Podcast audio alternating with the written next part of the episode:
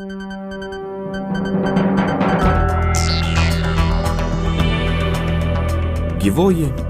istorija.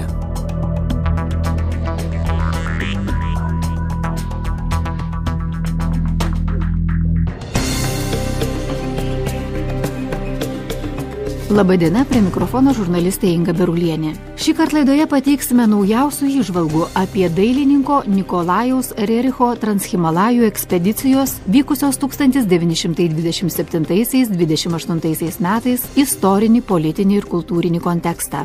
Profesorius Audrius Beinorius, remdamasis istoriniais šaltiniais, kelia klausimą, kokie buvo šios ekspedicijos tikslai, reikšmė ir rezultatai. Iki šiol ši ekspedicija ir Nikolajaus Rericho tikslai pateikiami itin nevienareikšmiškai. Įdomiausia tai, kad šiuose globaliuose bandymuose perskirstyti valstybių įtakas tolimųjų rytų teritorijose dalyvavo ir Lietuvos dvarininkas, carinės Rusijos armijos atsargos pulkininkas Nikolajus Kordeševskis. Intriguojančio filmo sužeto vertas mokslininko naujausių išvalgų pristatymas vyko Lietuvos mokslo akademijos Vrublevskių bibliotekoje.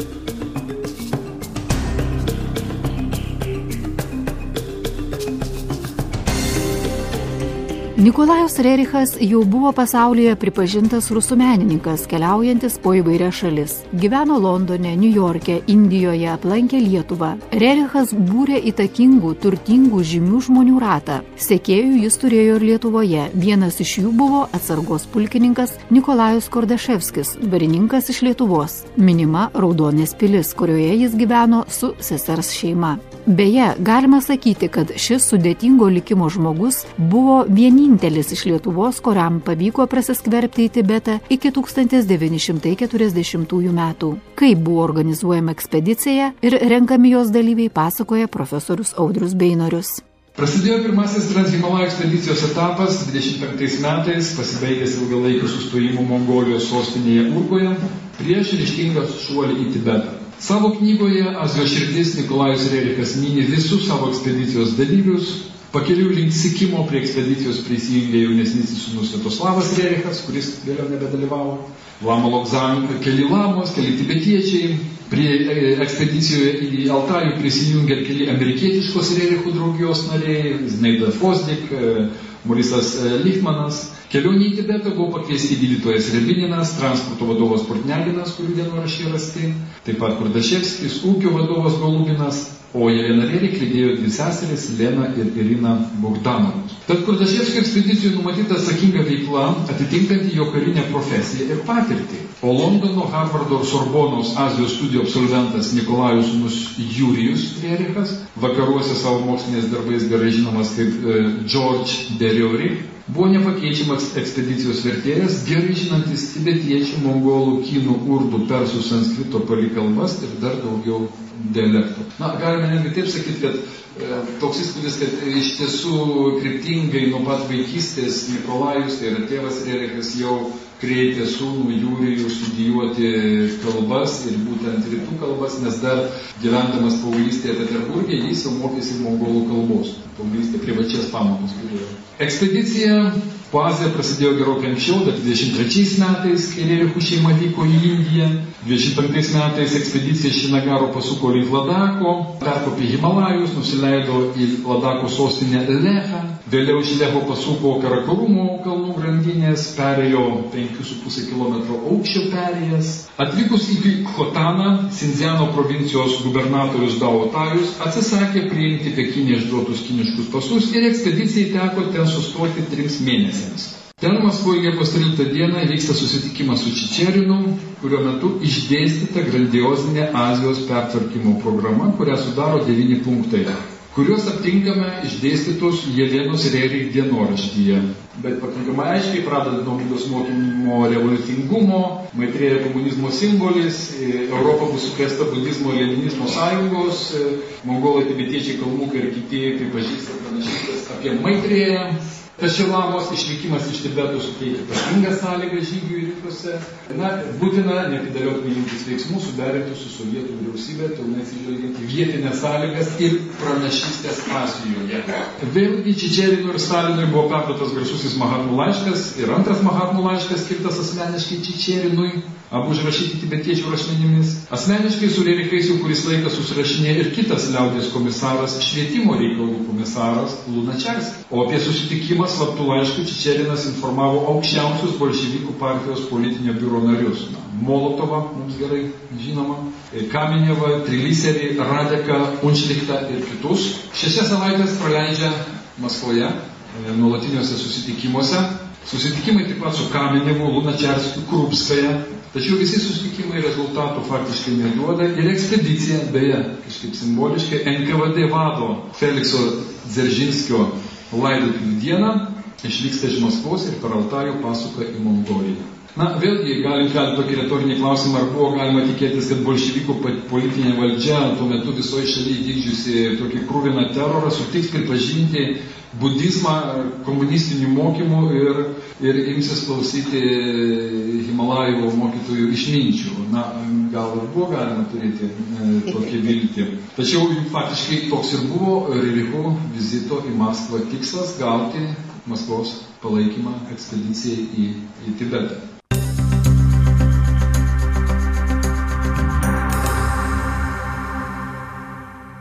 Organizuodamas ekspediciją ir planuodamas tolesnius tikslus, Nikolajus Rerichas ieškojo finansavimo ir vienos iš galingųjų valstybių paramos. Svarstymai buvo tarp dviejų pasirinkimų - Anglijos ir Rusijos. Dailininkas pasirinko Sovietų sąjungą. Iš dalies Rerichui tiko bolševikų skelbiamos idėjos apie visuotinę lygybę išsivadavimą iš priespaudos. Tačiau jo pasirinkimas galbūt buvo tik praktiškas veiksmas, sunku patikėti, kad jam imponavo sovietinis komunizmas. Flirtas su komunistais - būdas įgyvendinti okultinius tikslus sukurti Azijoje savo totalitarinę teokratiją, o į sovietus jis greičiausiai žiūrėjo kaip į naudingus vienkartinius sąjungininkus. Nikolajus Rerichas greit užmėsgė glaudžius ryšius su generaliniu sovietų konsulu Bystrovu.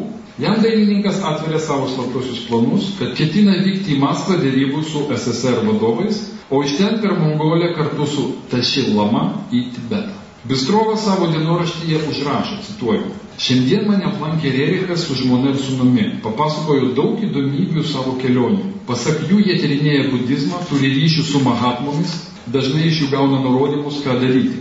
Beje, jie užsiminė, kad veža mahatmų laišką Ščerinui ir Stalinui.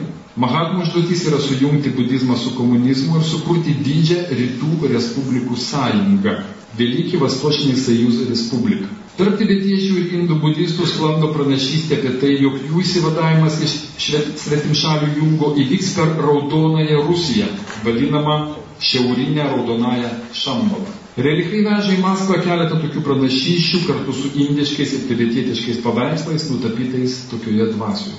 Iš Rericho žodžių galima suprasti, kad jų kelionė po Indiją, Tibetą ir Vakarų Kiniją yra Mahatmų užduočių vykdymas ir tuo tikslu jie siunčiami į SSR, o po to į Mongoliją ir į Tibetą, kur turės susisiekti su pabėgusiu į Kiniją Tašilamą ir ištraukti jį į Mongoliją. O iš ten dvasinių žygių pajudėti, išvaduoti Tibeto nuo anglų jungo. Na, matome, ką, ką žinojo Bistrovas, kokią, kokią versiją būsimosios dar ekspedicijos užrašo savo dienoraščiuose. Su Bistrovo pagalba nesunkiai buvo gautos SSSR vizos Toliau ekspedicija pasiekia Karaškarą, kur aplanko mm, Targautų Kano buveinę, vėliau per dykumą, Turfano įdubą, keliauja e, pasienį palei Urumčyčių kaką, galiausiai pasuka į Sibirą. Ten kuriam laiko ekspedicija sustabdoma 26 metais ir dalis jo narių su Rerichu šeima kartu pasuka į Maskvą.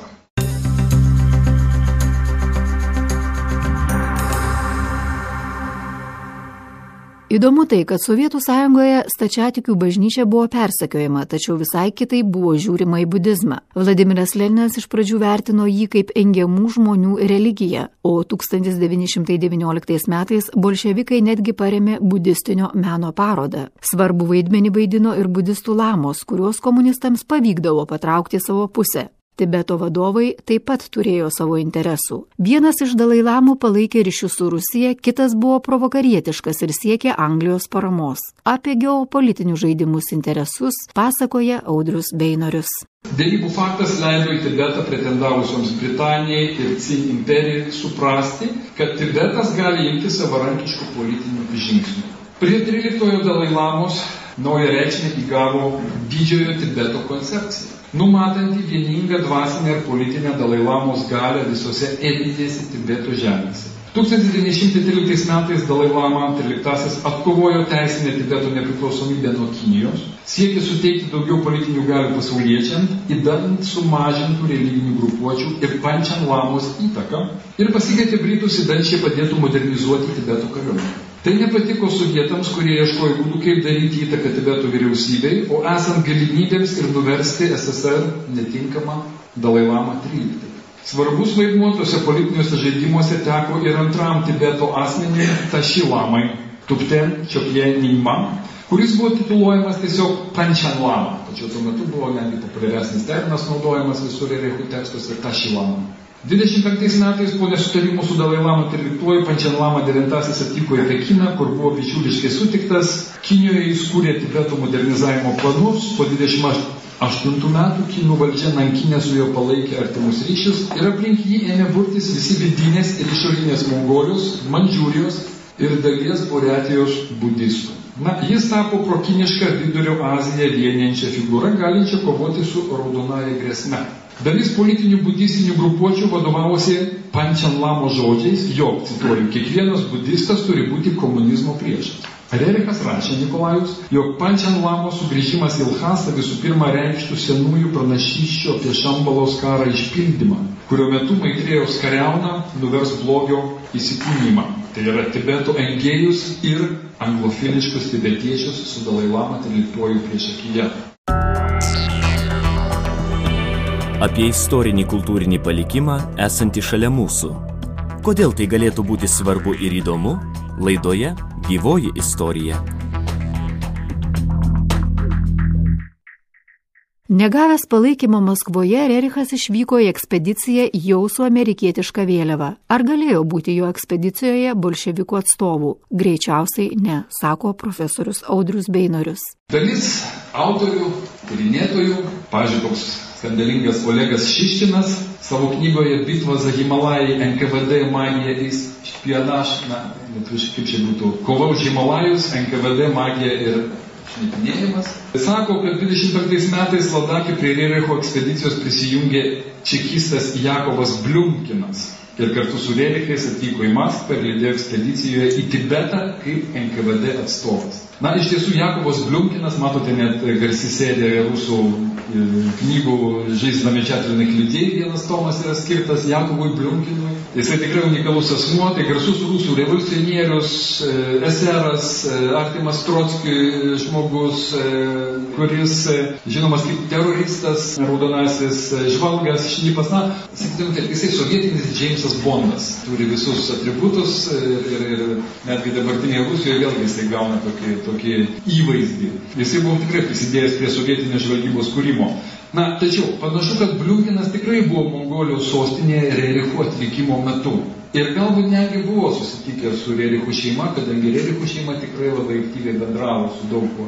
Tačiau jokių įrodymų, kad jis lydėjo Rerichą į Maskvą ir Tibetą nėra. Ta patvirtina visi dienoraščiai, kuriuos aš minėjau, visi trys atrasti dienoraščiai. Taigi, vėlgi, kitas istorikas, Maksimas Dubajevas knygoje Rerich irgi teigia, kad Rerichas buvo susijęs su sovietinė žvalgyba, na, tai vadinama OGPU, ir ekspediciją vedė su sovietų pagalba. Na, aš linkęs pritarti vis dėlto rusų orientalisto Rosovo požiūrį, kuris savo disertacijoje rusų amerikietiškos Rericho ekspedicijos į Vidurio Aziją neigia tiek Šiškino, tiek Dubajevo versijas, teikdamas, kad nei moksliniai duomenys, nei žvalgybiniai duomenys, na, nes neturime jokių patvirtinimų, kad Rerichai būtų vykę su NKVD, ROGPU nurodymais ir, ir instrukcijomis.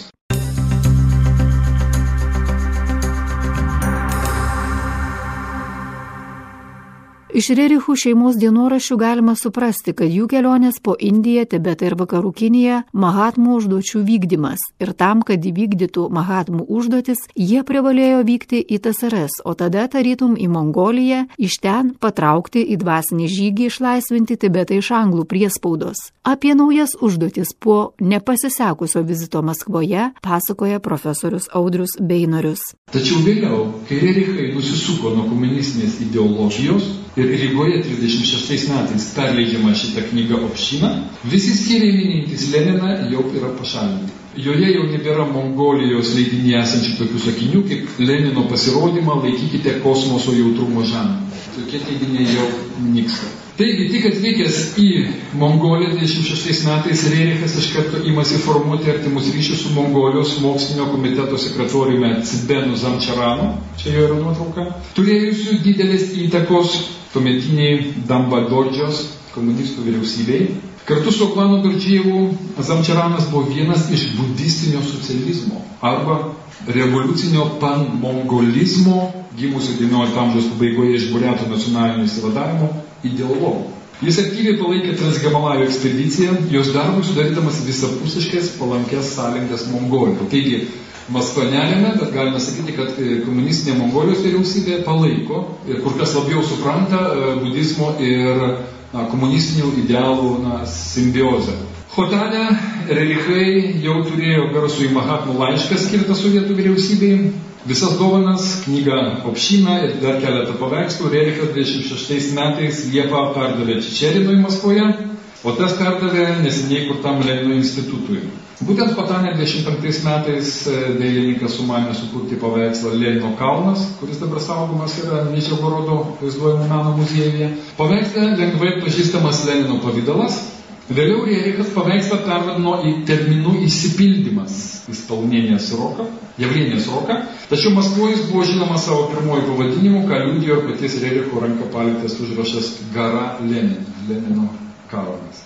Besiruošdamas ekspedicijai Rerichas draugė su savo bendradarbiu amerikiečių verslininku Louisu Horshu New York'e įregistravo dvi verslo korporacijas – UR ir Beluga per kurias buvo siekiama plėtoti verslą koncesijos, na, tai yra nuoma 50 metų, pagrindai Sovietų sąjungos rytuose, medžio apdirbimo, mineralų gavybos, statybų, transporto, žemės ūkio ir kitose srityse. Kiti Rericho bendradarbiai, Zinaida ir Moisas Likmanas, e, Maskvoje atstovavo korporacijos Belucha siekiams įsigyti veiklos koncesiją Altajui, bendravo su įvairiais sovietų valdininkais.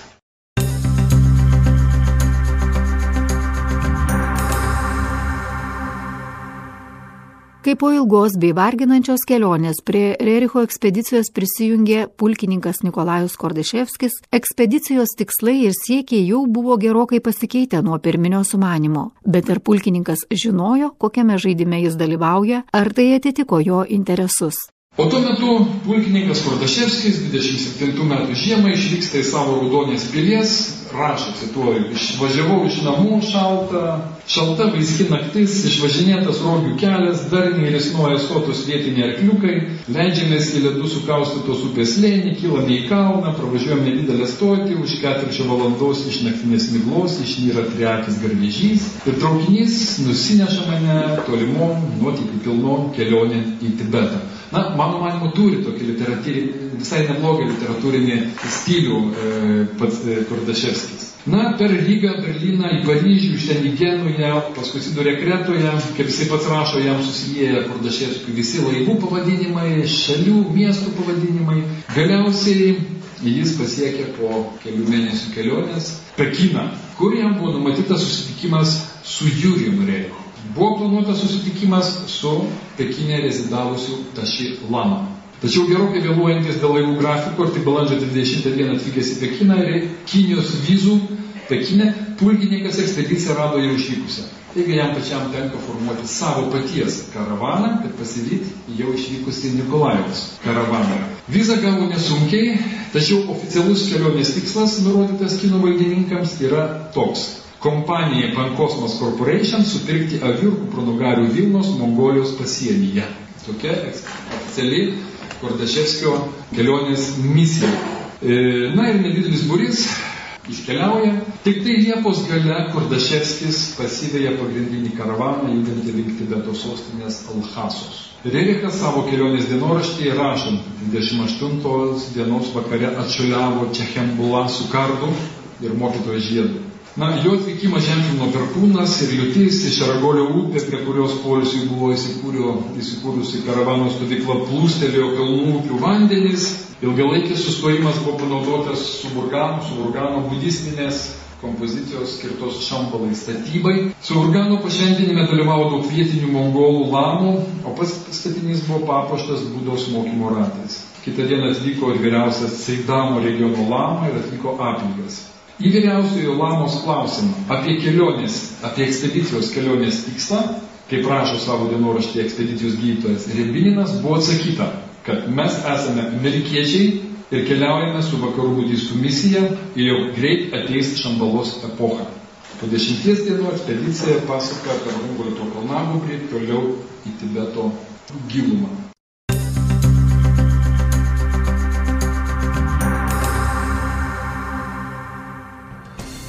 Nikolajaus Rericho ekspedicija Tibeto link keliavo skleisdama legendą apie tai, kad jie yra Šambalo žinios nešėjai. Iš stovyklos kalnuose per gramofonus klizdavo didinga Richardo Wagnerio muzika. Buvo atliekami šventinimo ritualai. Tačiau šis žygis neplanuotai įstrigo prie Tibeto sienos.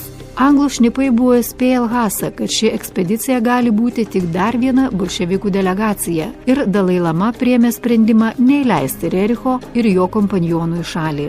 Ekspedicijos dalyviai nepasiekė tikslų, o tas kelių mėnesių sustabdymas, nesuteikiant normalių gyvenimo sąlygų, gerokai paveikė kiekvieno iš jų emocinę ir fizinę sveikatą. Po šios ekspedicijos Rerichai atsiribojo nuo bolševikų, o Nikolajus Kurdiševskis atsigrėžė į krikščionybę.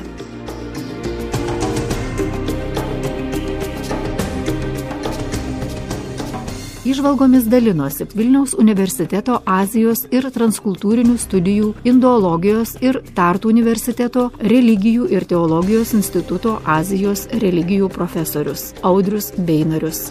Laidą rengė Inga Berulienė, garso režisierė Lina Dainienė. Laidą remia Spaudos, radio ir televizijos remimo fondas. Sudė susitiksime kitą savaitę.